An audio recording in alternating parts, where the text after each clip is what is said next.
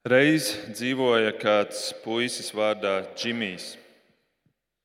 Viņš bija dzirdējis ģimenes baumas par to, ka viņa tēvs, viņa vectēvs un pat viņa vecvectēvs savā 21.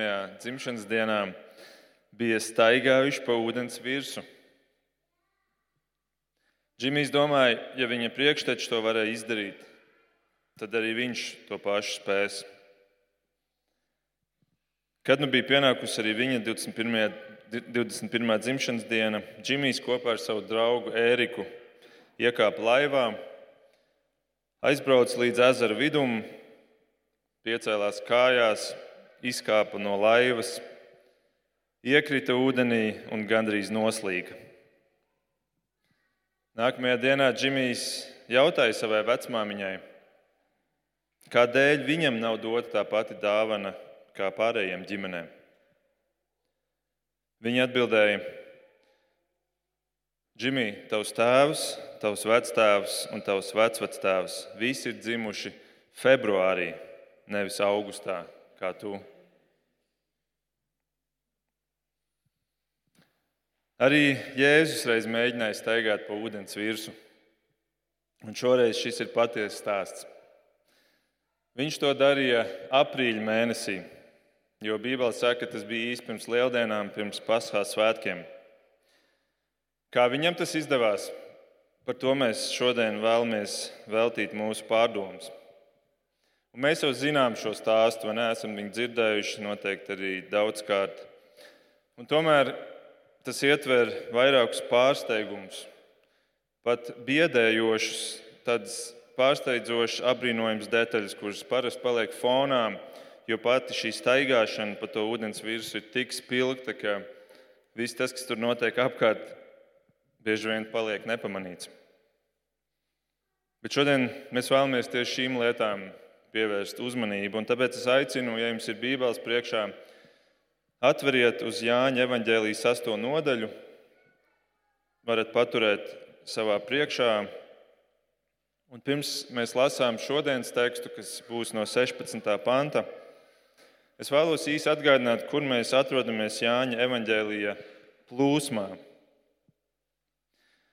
Jānis, kā savas grāmatas, to lielo mērķi, es domāju, jūs jau, kur nākat regulāri, jau zinat no galvas, iespējams, cerams, ir nodefinējis Jēzus zīmju, jeb brīnumu uzskaitījumu.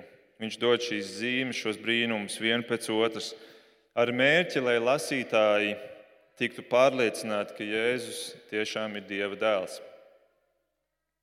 Un ka caur šo lasītājs var iegūt ticību tam, ka Jēzus ir nomiris arī par šī lasītāja grēkiem. Un ka caur to šie lasītāji saņemtu pieeju mūžīgai dzīvībai. To saka Jānis. Viņš savā, savā, savā evanģēlīja priekšpēdējā nodaļā to skaidri izklāsta. Jāņa 20, 31, 30, 30, 31. Viņš raksta, Vēl daudzas citas zīmes Jēzus darīja savu mācekļu priekšā, par kurām šajā grāmatā nav rakstīts. Bet šīs ir rakstītas, lai jūs ticētu, ka Jēzus ir Kristus, Dieva dēls, un lai jums, kas ticat, būtu dzīvība viņa vārdā. Es gribu uzsvērt, ka zīmes tiek dotas, lai uz kaut ko norādītu. Jānis apzināti šos brīnumus sauc par zīmēm. Līdzīgi kā, kad jūs braucat ar mašīnu, varbūt šodien braucāt uz dievkalpojumu, jūs redzējāt daudz zīmes ceļu malām. Šīs visas zīmes norāda uz kaut ko, uz tuvojošos krustojumu, uz kādu bīstamu līkumu. Tās nav kā glezna, kuru mēs apsēžamies un apbrīnojam, un, un kur ir veidota sevis apbrīnošanai. Zīme vienmēr norāda uz kaut ko citu, uz kaut ko ārpus sevis pašas. Un tā ir arī jāuztver Jēzus zīmes. Jautājums ir, uz ko tās norāda? Padomā par šo jautājumu, kad tu šodien dodies līdzi man šajā ceļojumā pāri Galilejas jūrai. Jāņa evanģēlijas ietvers septiņas lielās zīmes. Un šo septiņu zīmju dēļ teologi mēdz šo grāmatu, šīs grāmatas pirmo pusi saukt par zīmju grāmatu. Jā, Jāņa evanģēlīja pirmā puse ir zīmju grāmata. Un šodien mēs esam nonākuši jau pie piektās no šīm septiņām lielajām zīmēm - Jēzus staigāšana pa jūras virsmu. Un šodienas tekstu es gribu sadalīt četros punktos, atbilstoši tai chronoloģiskajai secībai, kas notiek šajā stāstā, bet arī atbilstoši tām paralēlēm, kuras šis stāsts velk ar mūsu dzīvēm. Un tā nu mums šodien četri punkti būs sūtīšana, nemieris, nākšana, un ceturto es pateikšu beigās, jo Beigās es pastāstīšu kaut ko, ko jūs negribat dzirdēt. Kaut ko, ko jūs negribat dzirdēt. Pirmais punkts - sūtīšana. Mēs varam tagad paskatīties uz tekstu un izlasīt pirmos divus pāntus, 16. un 17. pāntu Jāņa evanģēlijas 6. nodaļā. Kad iestājās vakars, Jēzus mācekļi nogāja pie jūras un iekāpuši laivā, devās pāri jūrai uz Kapernaumu. Bija jau kļuvis tumšs, bet Jēzus vēl nebija pie tiem atnācis.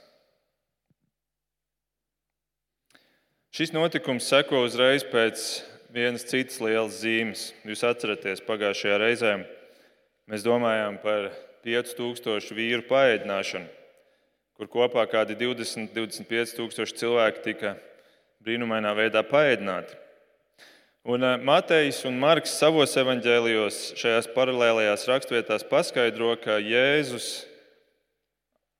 devās ar mācekļiem pie Galilejas jūras krasta, iesēdināja šos mācekļus laivā, sūtot viņus tālāk misijā.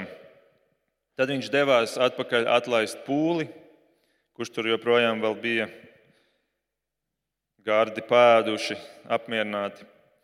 Un tad beigās viņš uzkāpa kalnā. Un šie divi pārējie evaņģēlisti saka, uzkāpa kalnā, lai dievu lūgtu. Un tā nu mēs varam pieņemt, ka, ka šie laivā sasēdinātie bija div, 12 mācekļi, jo vispār Jēzum ap šo laiku bija vairāk nekā 70 mācekļi. Ir teikts, ka viņš vēl 72 mācekļus aicināja klāt. Bet um, mēs zinām, ka šīs nodaļas beigās, un tas ir tas konteksts, kur vispār šī sastāvā nodaļa ved, un tāpēc tā ir viena no tādām dramatiskākajām nodaļām Bībelē, ka lielākā daļa no šiem mācekļiem nodaļas beigās atkritīs no Jēzus. Viņi pagriezīs muguru Jēzum un dosies prom. Tad šī nodaļa ved uz lielo atkrišanu, bet mēs saprotam, ka laivā ir iekāpuši tie 12, jo arheologi ir, ir vairākas galilēju zvejnieku laivas atraduši no tiem laikiem, un tādā laivā ietilpst ap 15 cilvēku. Līdz ar to, acīm redzot, tur bija šī mazā grupa, šie 12. Un Jēzus viņus sūta uz Kapernaumu. Marks raksta, ka viņš viņu sūtīja uz Becaidu, kas ir blakus Kapernaumai, tātad turpat pāri krastam, pāri jūrai otrā krastā. Bet mēs varam uzdot jautājumu, kāpēc Jēzus viņus sūta, kāpēc pēc 5000 paēdināšanas viņi nevarēja palikt kopā? Kāpēc viņi nevarēja palikt turpat pie Jēzus? Un atbilde ir tā, ka Jēzus viņus sūta tālāk misijā, jo misija turpinās, nekas nav beidzies. Ir jau zināms nākamais uzdevums, kas ir jau priekšā grafikā nākamajai dienai. Un šī Jēzus sūtīšana velk tādas arī tieši paralēlas ar mums šodien. Arī mēs varam jautāt, kāpēc mēs nevaram būt jau pie Dieva? Tad, kad mēs esam atgriezušies pie Kristus, kāpēc Viņš mūs šeit ir atstājis, kāpēc mēs nevaram būt jau pie Viņa? Un atbildi ir tā, ka arī Viņš mūs sūta misijā. Arī Viņš mūs sūta misijā. Un ja tu šodien par sevi vari teikt, ka tu esi Jēzus māceklis, tad tavas dzīves jēga ir kāda? Kas ir tavs dzīves jēga? Tu saki, es nezinu. Tā nevar būt. Jēzus mācekļa dzīves jēga ir pavisam, pavisam skaidra. Tavas dzīves jēgas Bībeles panti ir minēti Mateja evaņģēlīja pašās beigās, 28. nodaļā. Tur ir teikts tā, Jēzus saka, ejiet un dariet par mācekļiem visas tautas, tās kristīdam tēva, dēla un svētā gara vārdā, tās mācīdam turēt visu, ko es jums esmu pavēlējis. Tā ir tava dzīves jēga, būt misijā. Tu esi savā ziņā misionārs. Ja tu šeit esi atstāts uz zemes, Jēzus tev vēl nav paņēmis augšā pie tēva, tu esi misijā. Jautājums ir, kā tev iet ar šo misiju? Vai tā raksturo tavu dzīvi? Jautājums, ko tu vari uzdot sev šajā rītā, arī skatoties uz šiem mācekļiem, kurus Jēzus sūta misijā. Tu vari daudz ko darīt dzīvē, bet tev ir viens galvenais uzdevums. Tāpat kā, piemēram, manam telefonam. Te ir iekšā internets, Te ir iekšā mūzika, te es varu čatot ar eh, saviem draugiem, paziņām. Te ir filmas, kuras var skatīties, te ir spēles, kuras es varu spēlēt, te ir lietotnes darbam. Un tomēr ir viens svarīgākais uzdevums šai ierīcei, un tā ir zvanīšana. Kāpēc? Tāpēc, ka mēs joprojām viņu saucam par telefonu. Tas ir mūsu telefons.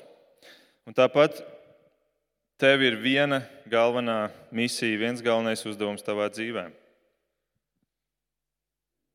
Tā Jēzus sūta savus 12 mācekļus misijā. Kas notiek tālāk? Mēs nonākam pie otrā panta, pie otrā punkta. Seko nemieris nemieris. 18. pāntu mēs varam izlasīt pavisam īsi. Stipram vējam pūšot, jūrā sacēlā, sacēlās viļņi. Stipram vējam pūšot, jūrā sacēlās viļņi.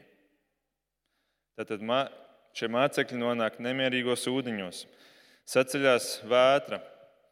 Un galvenais jūra bija slavena ar ļoti pēkšņām vētrām, tāpēc ka augstā gaisu masa no vidusjūras nāca aizķērās aiz kalniem, kas ir apkārt Galilejas jūrai, un tad vienā brīdī pēkšņi pārplūda pāri šiem kalniem, nonākot Galilejas jūras tropiskajā klimatā, jo Galilejas jūra atrodas 200 metru zem jūras līmeņa. Un tā šīs vētras bija tādas pēkšņas, ļoti straujas. Un šie 12 mācekļi nokļūst vētrām. Matejs savā aprakstā raksta, ka pūta pretvējš. Tātad viņiem ļoti palēlinās šis brauciens. Un Marks vēl piebilst savā tekstā, ka tiem 12 mācekļiem bija ļoti lielas pūles, viņi bija smagi nopūlējušies. Tad viņi ir šajā, šajā misijas braucienā, bet viņiem iet ļoti grūti. Un spriežot pēc Mateja evaņģēlī, mēs redzam, ka šis notiek jau pēc tam, kad mācekļi reiz jau bija nokļuvuši Galilejas jūras vētrā. Atcerieties to notikumu, kad Jēzus arī ir laivā un viņš guļ, un tad viņš pamodi, tiek pamodināts un apklusina jūru. Viņiem ir jau šī pieredze. Toreiz Jēzus bija klāt, bet šoreiz viņi ir vieni paši. Un teologs Matthew Henrijs savā komentārā par šo raksturvietu raksta, ka mākoņi un tumsa bieži apņem gaismas bērnus. Mākoņi un tumsa bieži apņem gaismas bērnus. Es domāju, jūs piekritīsiet, ka arī mēs nereti, varbūt bieži jūtamies līdzīgi. Šī dzīve ar tās nemieriem, vētrām, tumšiem mākoņiem liek mums uzdot jautājumu reizēm, kur ir Dievs? Kur ir Jēzus? Kāpēc Viņš nav šeit ar mums? Vai Viņš mūs redz? Vai Viņš zina, kur mēs atrodamies? Šodien ir tik daudz vētru apkārt, kā arī Ukrajinā, Izrēlā tagad. Mēs redzam nemieru lielajās Eiropas pilsētās. Visapkārt vērtību sabrukums, tu vairs nesaproti, kas ir kas. Veidojas šaubas, cilvēki dzīvo ar bailēm. Un tad vēl visas tās slimības, kuras, ar kurām mēs saskaramies. Visi tie finansiālie izaicinājumi, savelks tumšu mākoņu apkārt, ka mēs vairs neredzam debesis.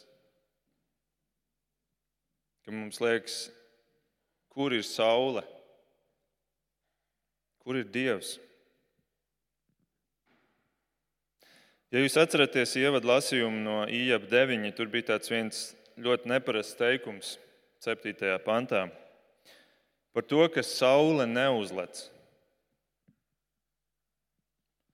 Es domāju, tas, ko šie vārdi no IEP 9 un no Jāņa 6 atgādina mums, ir, ka mēs varam būt vētrā, tumšu mākoņu ielēgti, kur mums liekas, liekas, ka vairs nav nekādas cerības gaismas, ka pat saule nav uzlēkusi. Un tomēr tas ir tikai mūsu skatpunkts. Tas ir apraksts no mūsu skatpunkta. Saule, viņa tur ir bet arī tumšie mākoņi ir tā paša dieva vadīti. Viņš to visu spēj un pat pieļauj.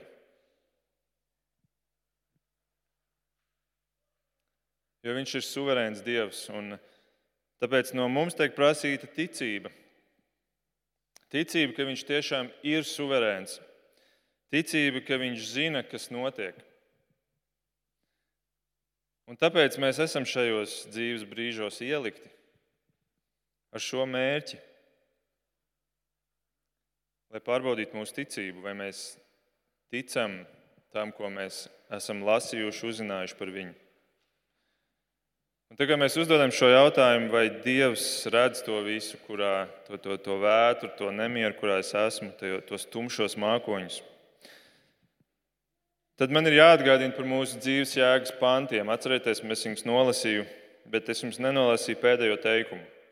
Es vēlreiz nolasīšu šo Mateja 28. Ejiet un dariet par mācekļiem visas tautas, tās kristīdami tēva, dēla un svētā gara vārdā, tās mācīdam turēt visu, ko es jums esmu pavēlējis, un redzi, es esmu ar jums ikdienas līdz laiku beigām. Tāda ir tava pilnā dzīves jēga. Vai tu tici tam, vai tu tici, ka Dievs ir ar tevi vienmēr? Vai tu to tici tad, kad tu esi vētrā? Vai tu tici to tagad, kad tev varbūt ir diagnosticēta kāda slimība? Vai tu tici, tici tam šobrīd, kur tu varbūt esi finansiālās grūtībās. Šodienas notikums tūlīt ļoti skaistā un spēcīgā veidā atklās šo patiesību par to, ka Dieva klātbūtne un ka viņa suverenitāte ir visu laiku mums apkārt. Paklausieties nākamo punktu. Tātad pēc sūtīšanas un pēc šī nemiera seko trešais punkts nākšana, Jēzus nākšana. 19. pāns.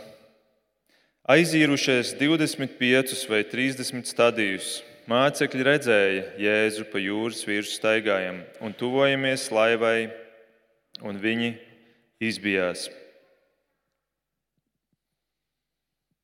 Jānis raksta, ka mācekļi jau bija aizīru, aiz, aizbraukuši 25 līdz 30 stadijus kas ir Bībelē, jūsu Bībelē, iespējams, arī ir maza zvaigznīte un pārkonvertēts, ka tie ir apmēram 5-6 km. 5-6 km, kas būtu aptuveni pusceļš viņu braucienam pāri Galilejas jūrai uz Kapernaumu. Paralēlajā rakstvietā Marks raksta, un vakaram pienākot, laiva bija jūras vidū, un viņš, Jēzus, viens pats krastā. Tātad Marks, ievērojiet, ko Marks šeit raksta. Ievērojiet, kur katrs atrodas. 12 mācekļi atrodas jūras vidū un Jēzus krastā. Acīm redzot, kalnā, jo tas kalns bija tieši krastā. Tas kalns, kurā Jēzus bija uzkāpis. Laiva ir jūras vidū, 5 km attālumā, tumsā, viļņos, vētrā. Un Jēzus stāv tālu prom, kilometriem tālu prom kalnā. Bet tagad paklausieties nākamo pantu, ko Marks savā pierakstā raksta, 48. pāns.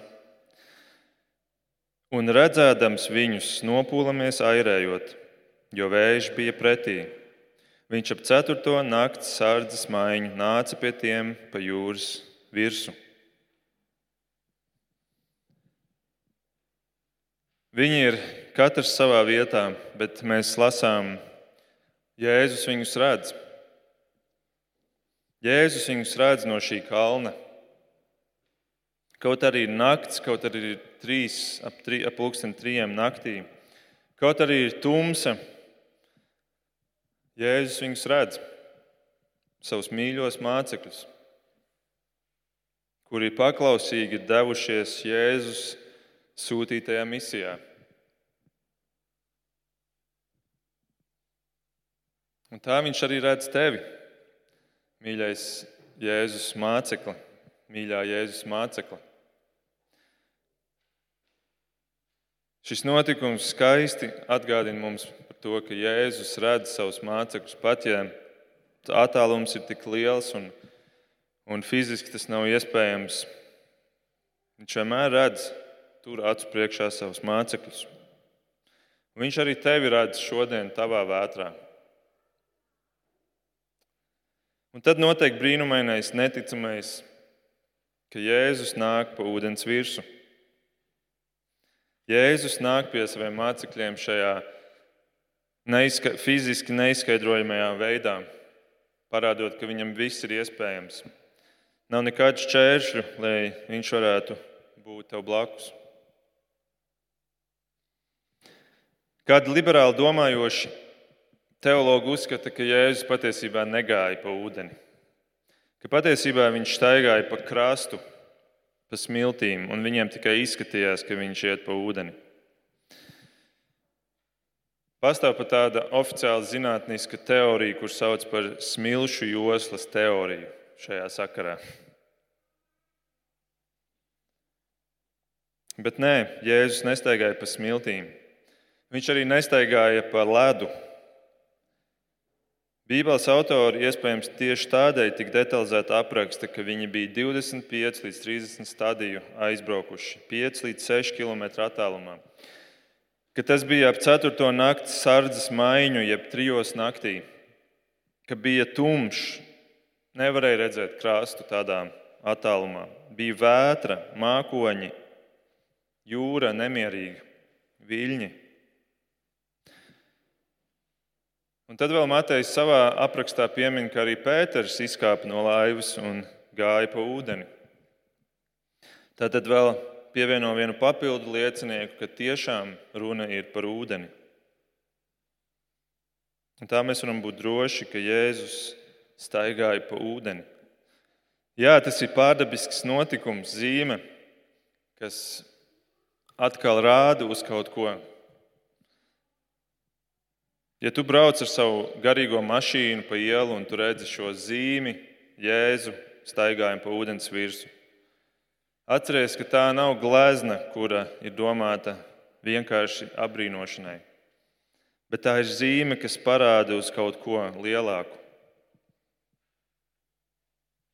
Un tas parāda to, ka Jēzus ir pārdabisks, viņš ir dievišķs, viņš ir dievs. Es nezinu, kā jums, bet tagad es tā iztēlojos to ainu, tad man tas atgādina to, kā Dievs kā gars plūst pāri ūdeņiem radīšanas stāstā. Atcerieties, Bībeles pač, pašā sākumā, otrais pants. Tur bija teikts, zeme bija tukšuma, tukša. Tumsa bija pār dzīvēm, un dieva gars lidinājās pār ūdeņiem. Jēzus dara to, ko spēj tikai Dievs. Bet Jēzum ir vara pār dabu, kuru viņš pats ir radījis.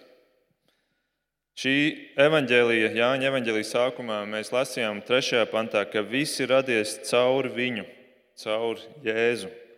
Un nekas, kas ir radies, nav radīts bez viņa. Jēzus šeit parāda, ka viņš sadarbojās ar dabu. Daba viņu pazīst. Daba respektē viņa vēlmi iet pa ūdens virsmu. Viņš ir kungs pār dabu. Un tā nu Jēzus staigā kā cilvēks, vai gandrīz lidinās kā gars pa trakojošo jūru, tā ka mācekļi izbīstās, mēs šeit lasām. 19. pantā bija pēdējie trīs vārdi, un viņi izbijās. Tā kā mēs šo tā izlasām, tad liekas, nu jā, viņi tur mazliet nobijās. Bet Jānis patiesībā ir diezgan atturīgs. Ja mēs palasām, ko Matejs raksta, viņš izsakās daudz sulīgāk. Paklausieties, Mateja 14.26. Mācekļi redzēdam viņu pa jūras virsmu staigājam, izbijušies sauca, tas ir spoks un kliedza no bailēm. Labrīt visiem, kurus pamodināja tikko. Viņi izbijušies sauca, tas ir spoks un kliedza no bailēm. Mums kādreiz tuvojās Helovīns. Ja tu spēj pārbiedēt pieredzējušus jūrniekus, pieaugušus vīrus, kuri ir braukājuši pa jūru desmitiem, simtiem reižu, un ja tu spēj viņiem likt noticēt, ka tu esi spoks un likt viņiem kliegt pilnā balsī no bailēm, tad vai nu tev ir pats labākais tērps, kāds jebkad ir izgudrots Helovīnam, vai arī tu tiešām esi Dievs. Starp citu, maza piebilde. Es aicinu nepiedalīties Helovīnā, kas ir ar pa īstam demonisku izcelsmi, nevis kā te tikai likdamies kā spokam. Es saprotu, ka kristiešiem ir dažādi uzskati. Es pasaku savu aicinājumu, bet um, šis stāsts parāda to, ka bailes ir īstas un um, ka šie vīri nobijās no Jēzus. Viņiem liekas, ka viņš ir spoks, bet patiesībā Jēzus nāca kā cilvēks, redzams kā cilvēks, bet darot kaut ko tādu, kas bija neizskaidrojams. Un tomēr šim visam spocīgumam klāt nāca viena detaļa, kura liek saprast mazliet labāk mācekļus. Un par to raksta Marks savā jau pieminētajā Marka evanģēlijas 6. nodaļā. Viņš raksta, Jēzus ap 4. nakts sārdzes maiņu nāca pie tiem pa jūras virsmu un gribēja tiem iet garām. Gribēja tiem iet garām. Cik dīvaina piebilde, vai ne? Jēzus gribēja tiem iet garām. Wow! Kāpēc Jēzu? Iedomājieties tādu ainu, ka viņi redz Jēzu nākam pa jūru, bet viņš nemaz nenāk pie viņiem. Viņš tā kā iet garām. Kaut kāds tēls, kas iet tev garām laivai. Iespējams, tas padara to visu ainu vēl bailīgāku baisāku. Tad Jēzus nāk, bet grib iet garām. Iespējams, šajā brīdī radās dziesma, nē, garām, dārgais Jēzu. Bet, ja nopietni es ticu, ka Jēzum šeit ir kāda dziļa doma, kādēļ viņš rīkojās šādi. Jo patiesībā viņš šādi rīkojas ne tikai šeit, Piemēram, Lūkas 24, 28 ir rakstīts, viņi, tas ir Jēzus ar diviem mācekļiem, viņi jau bija nonākuši pie tā ciema, kurp devās, un Jēzus izlikās, ka ietu tālāk. Jēzus izlikās, it kā ietu tālāk. Jēzus izliekas, ka dara vienu, bet patiesībā viņam ir mērķis darīt kaut ko citu. Kas atkal ir tā doma, wow, padomā, Dievs izliekas. Vai tu to zināji par Dievu? Patiesībā arī pavisam nesen tajā iepriekšējā brīnumā, kur 5000 tiek paēdināti, mēs atceramies, ka tur 5. un 6. pantā bija teikts, ka Jēzus pacēla acis un ieraudzījis, ka liels ļaužu pūlis nāk pie viņa sacīja Filipam, kur lai pērka maizi, ko ēst. Un tad Jānis piebilst, viņš tā teica, to pārbaudīdams, jo pats gan zināja, ko darīs. Atkal Jēzus izliekas. Šeit mēs redzam, ka Jēzus pārbauda mācekļu ticību. Un iespējams arī tas pats notiek šeit, Galilejas jūras vidū, kad Jēzus it kā iet viņiem garām. Iespējams, viņš pārbauda šādā veidā viņu ticību. Bet ir vēl viens, vēl dziļāks iemesls, es ticu, kādēļ Jēzus izliekas, ka viņš grib iet garām šai mācekļu laivai.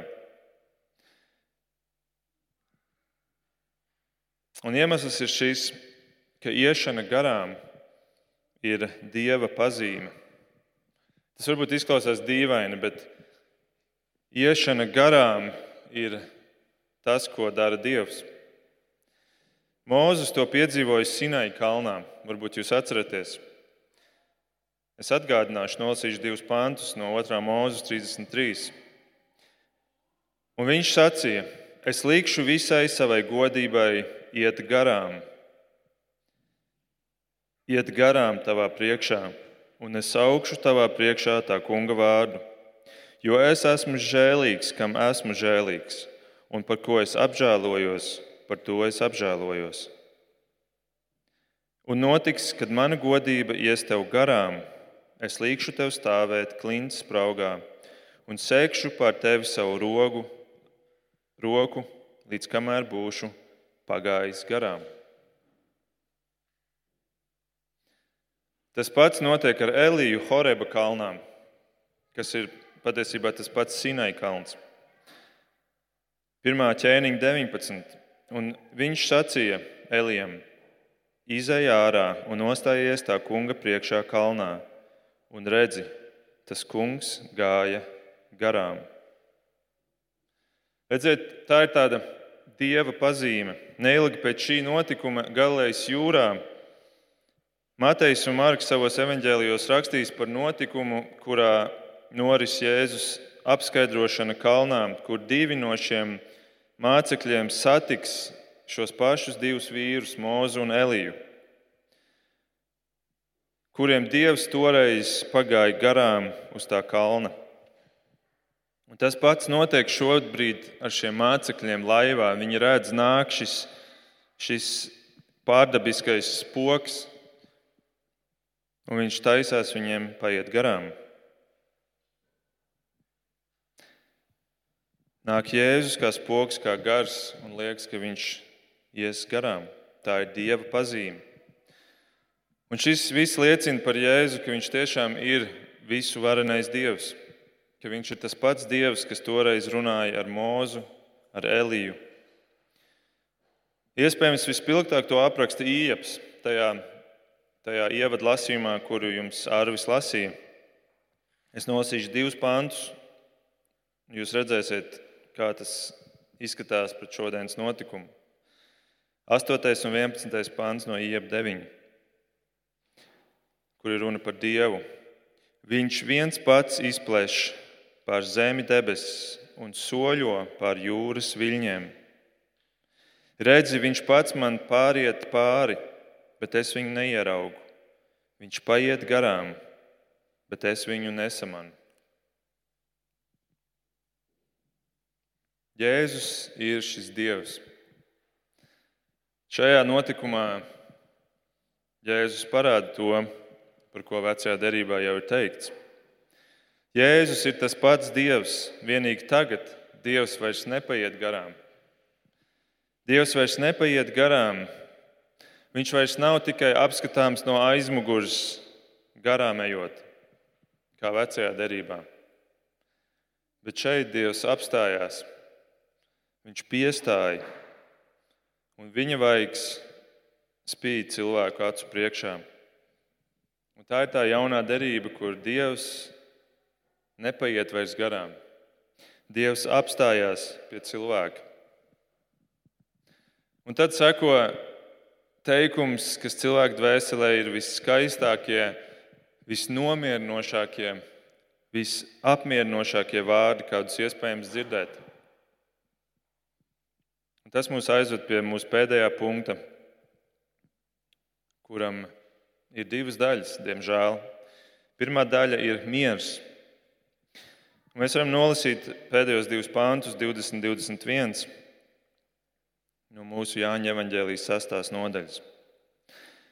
Bet viņš tiem teica: Es tas esmu, nebīsties. Tie gribēja viņu uzņemt laivā, un laiva jau tūdaļ bija pie krasta, kur tie devās.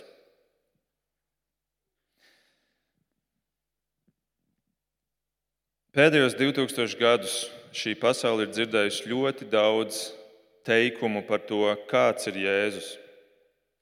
Daudz un daudz burti ir sadrukāti uz papīra lapām par to, kāds viņš ir. Neskaitāmas dziesmas un dzējoļi ir sacerēti par to, kāds viņš ir.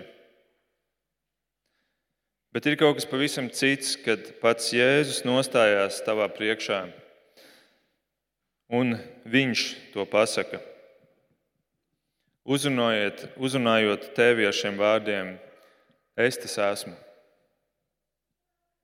Es tas esmu. Un kad cilvēks to saklausa ne tikai ar savām mīsīgajām ausīm, bet ar gara dzirdi, tas izmaina visu. Tas izmaina visu. Tas pagriež dzīvi pretējā virzienā. Cilvēks piedzimst no jauna, kā Dāvis ievadā liecībā to teica. Piedzimst jauns radījums. Un šis Jēzus teikums, šī atklāsme ir kā tāda pirmā kontrakcija jaunā radījuma dzimšanā, šajā piedzimšanā no augšas. Kad Sauls, ejot uz Damasku, dzirdēja no tā paša Jēzus šos vārdus, kas, ka tas ir viņš, Tur piedzima šis jaunais radījums, šis jaunais saules, jeb pāvils. Apstuļu darbos deviņi tur ir minēts par šo īso sarunu.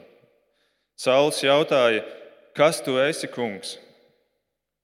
Tas atbildēja, es esmu Jēzus, ko tu vajā.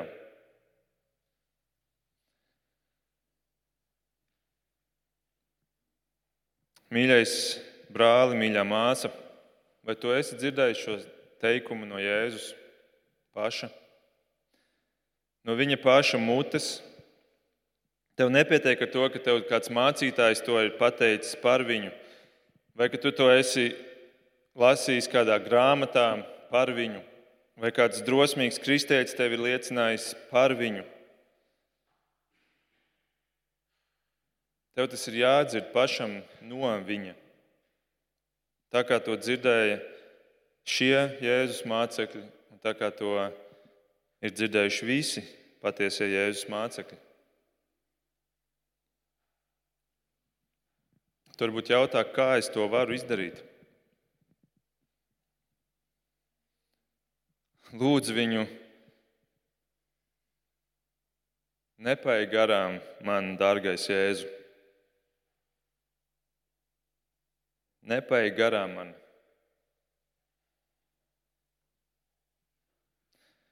Dažs pants tālāk šodienas nodaļā Jēzus apsola 37. pantā, ka nevienu, kas pie manis nāk, es nekad nedzīšu prom.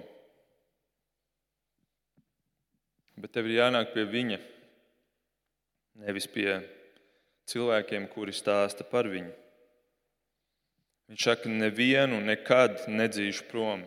Trīs noliegumi vienā teikumā. Trīskāršs nolīgums, lai tu varētu būt droši, ka Es varu nākt pie viņa. Bet man ir jāgrib un man ir jālūdz. Nē, garām, dārgais Jēzu.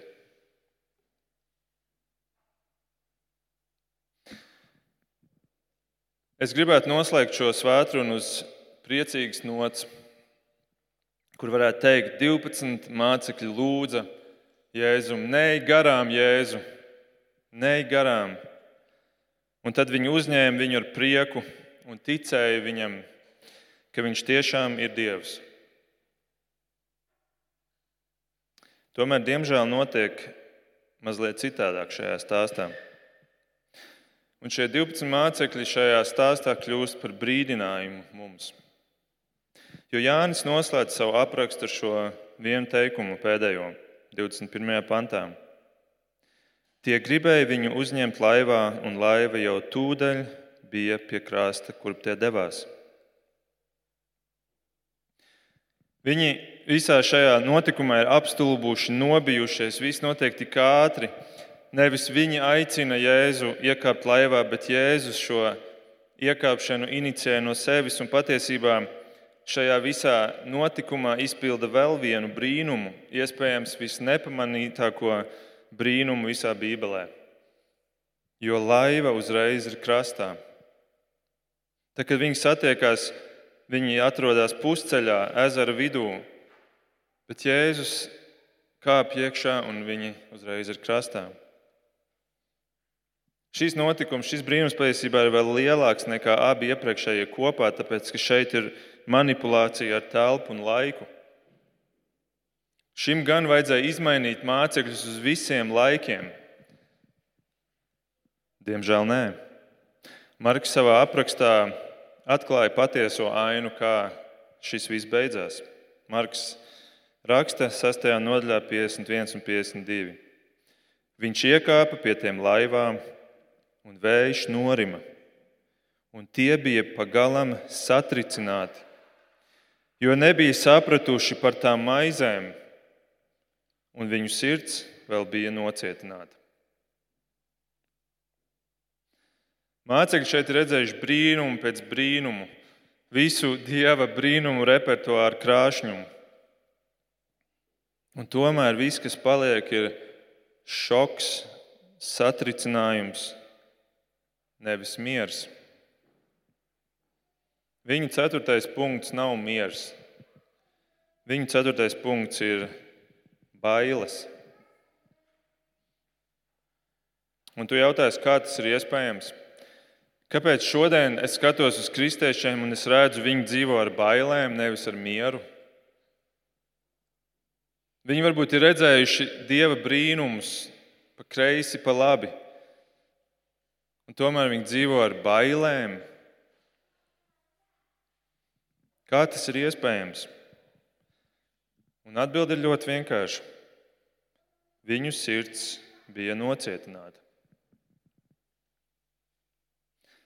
Un ar to es vēlos noslēgt. Tu vari saukties par Jēzus mācekli, un tev var nelīdzēt vislielākie dievu brīnumi, lai ieietu mierā. Un tavu dzīvi turpina kontrolēt bailes. Kāpēc? Tāpēc, ka tava sirds ir nocietināta. Tāpēc, ka tu arī dieva brīnumus redzi kā brīnumus, nevis kā zīmi kaut kam daudz lielākam. Un kādu dienu tu stāvēsi Jēzus priekšā, savas nocietinātās sirds apmānīts, un tu viņam teiksi, Kungs, Kungs, vai tad tavā vārdā es neesmu darījis brīnumus, un neesmu redzējis brīnumus, un bijis liecinieks brīnumiem, un daudzas lietas darījis? Un viņa atbild būs: Es tevi nekad neesmu pazinis nos no manis. Un tad Jēzus tiešām būs kā tas spoks, kurš tev liks skaļā balsī kliegt bailēs. Un tur viņš būs patiesi biedējošais Jēzus. Bet tā diena vēl nav klāta. Dieva žēlastībā mums ir vēl laiks dots, ka mēs varam pārbaudīt sevi, savu sirdi pārbaudīt, vai mans dzīves attēls ir miers, vai mana dzīve liecina par to mieru, kuru Jēzus ir atnesis. Dievs ir devis laiku pārbaudīt sevi, savu sirdi un ar neliekuļotu un dziļu pazemību lūgt viņam, nē, garām, dārgais Jēzu. Lūksim Dievu. Paldies, Tev, Kungs, kā mēs varam būt klāt šajā notikumā 2000 gadus vēlāk. Ka mēs varam redzēt, cik tu esi mīlošs un ka tu gribi, ka mēs dodamies šajā misijā Un pat ja tu neesi klāt fiziski, ka mēs varam būt droši, ka tu redzi mūsu. Vienalga, cik biezi mākoņi klāja mūsu debesis, tu esi Dievs un tu redzi mūsu, un tu mīli mūsu. Un paldies, Kungs, ka tu katru cilvēku dzīvē tuvojies. Paldies, Kungs, ka tu nevienu neatraidi, kurš lūdz tevi. Neiet garām, bet piestāt pie viņa. Es lūdzu, uzklaus tos, kur tu arī lūdzu šodien.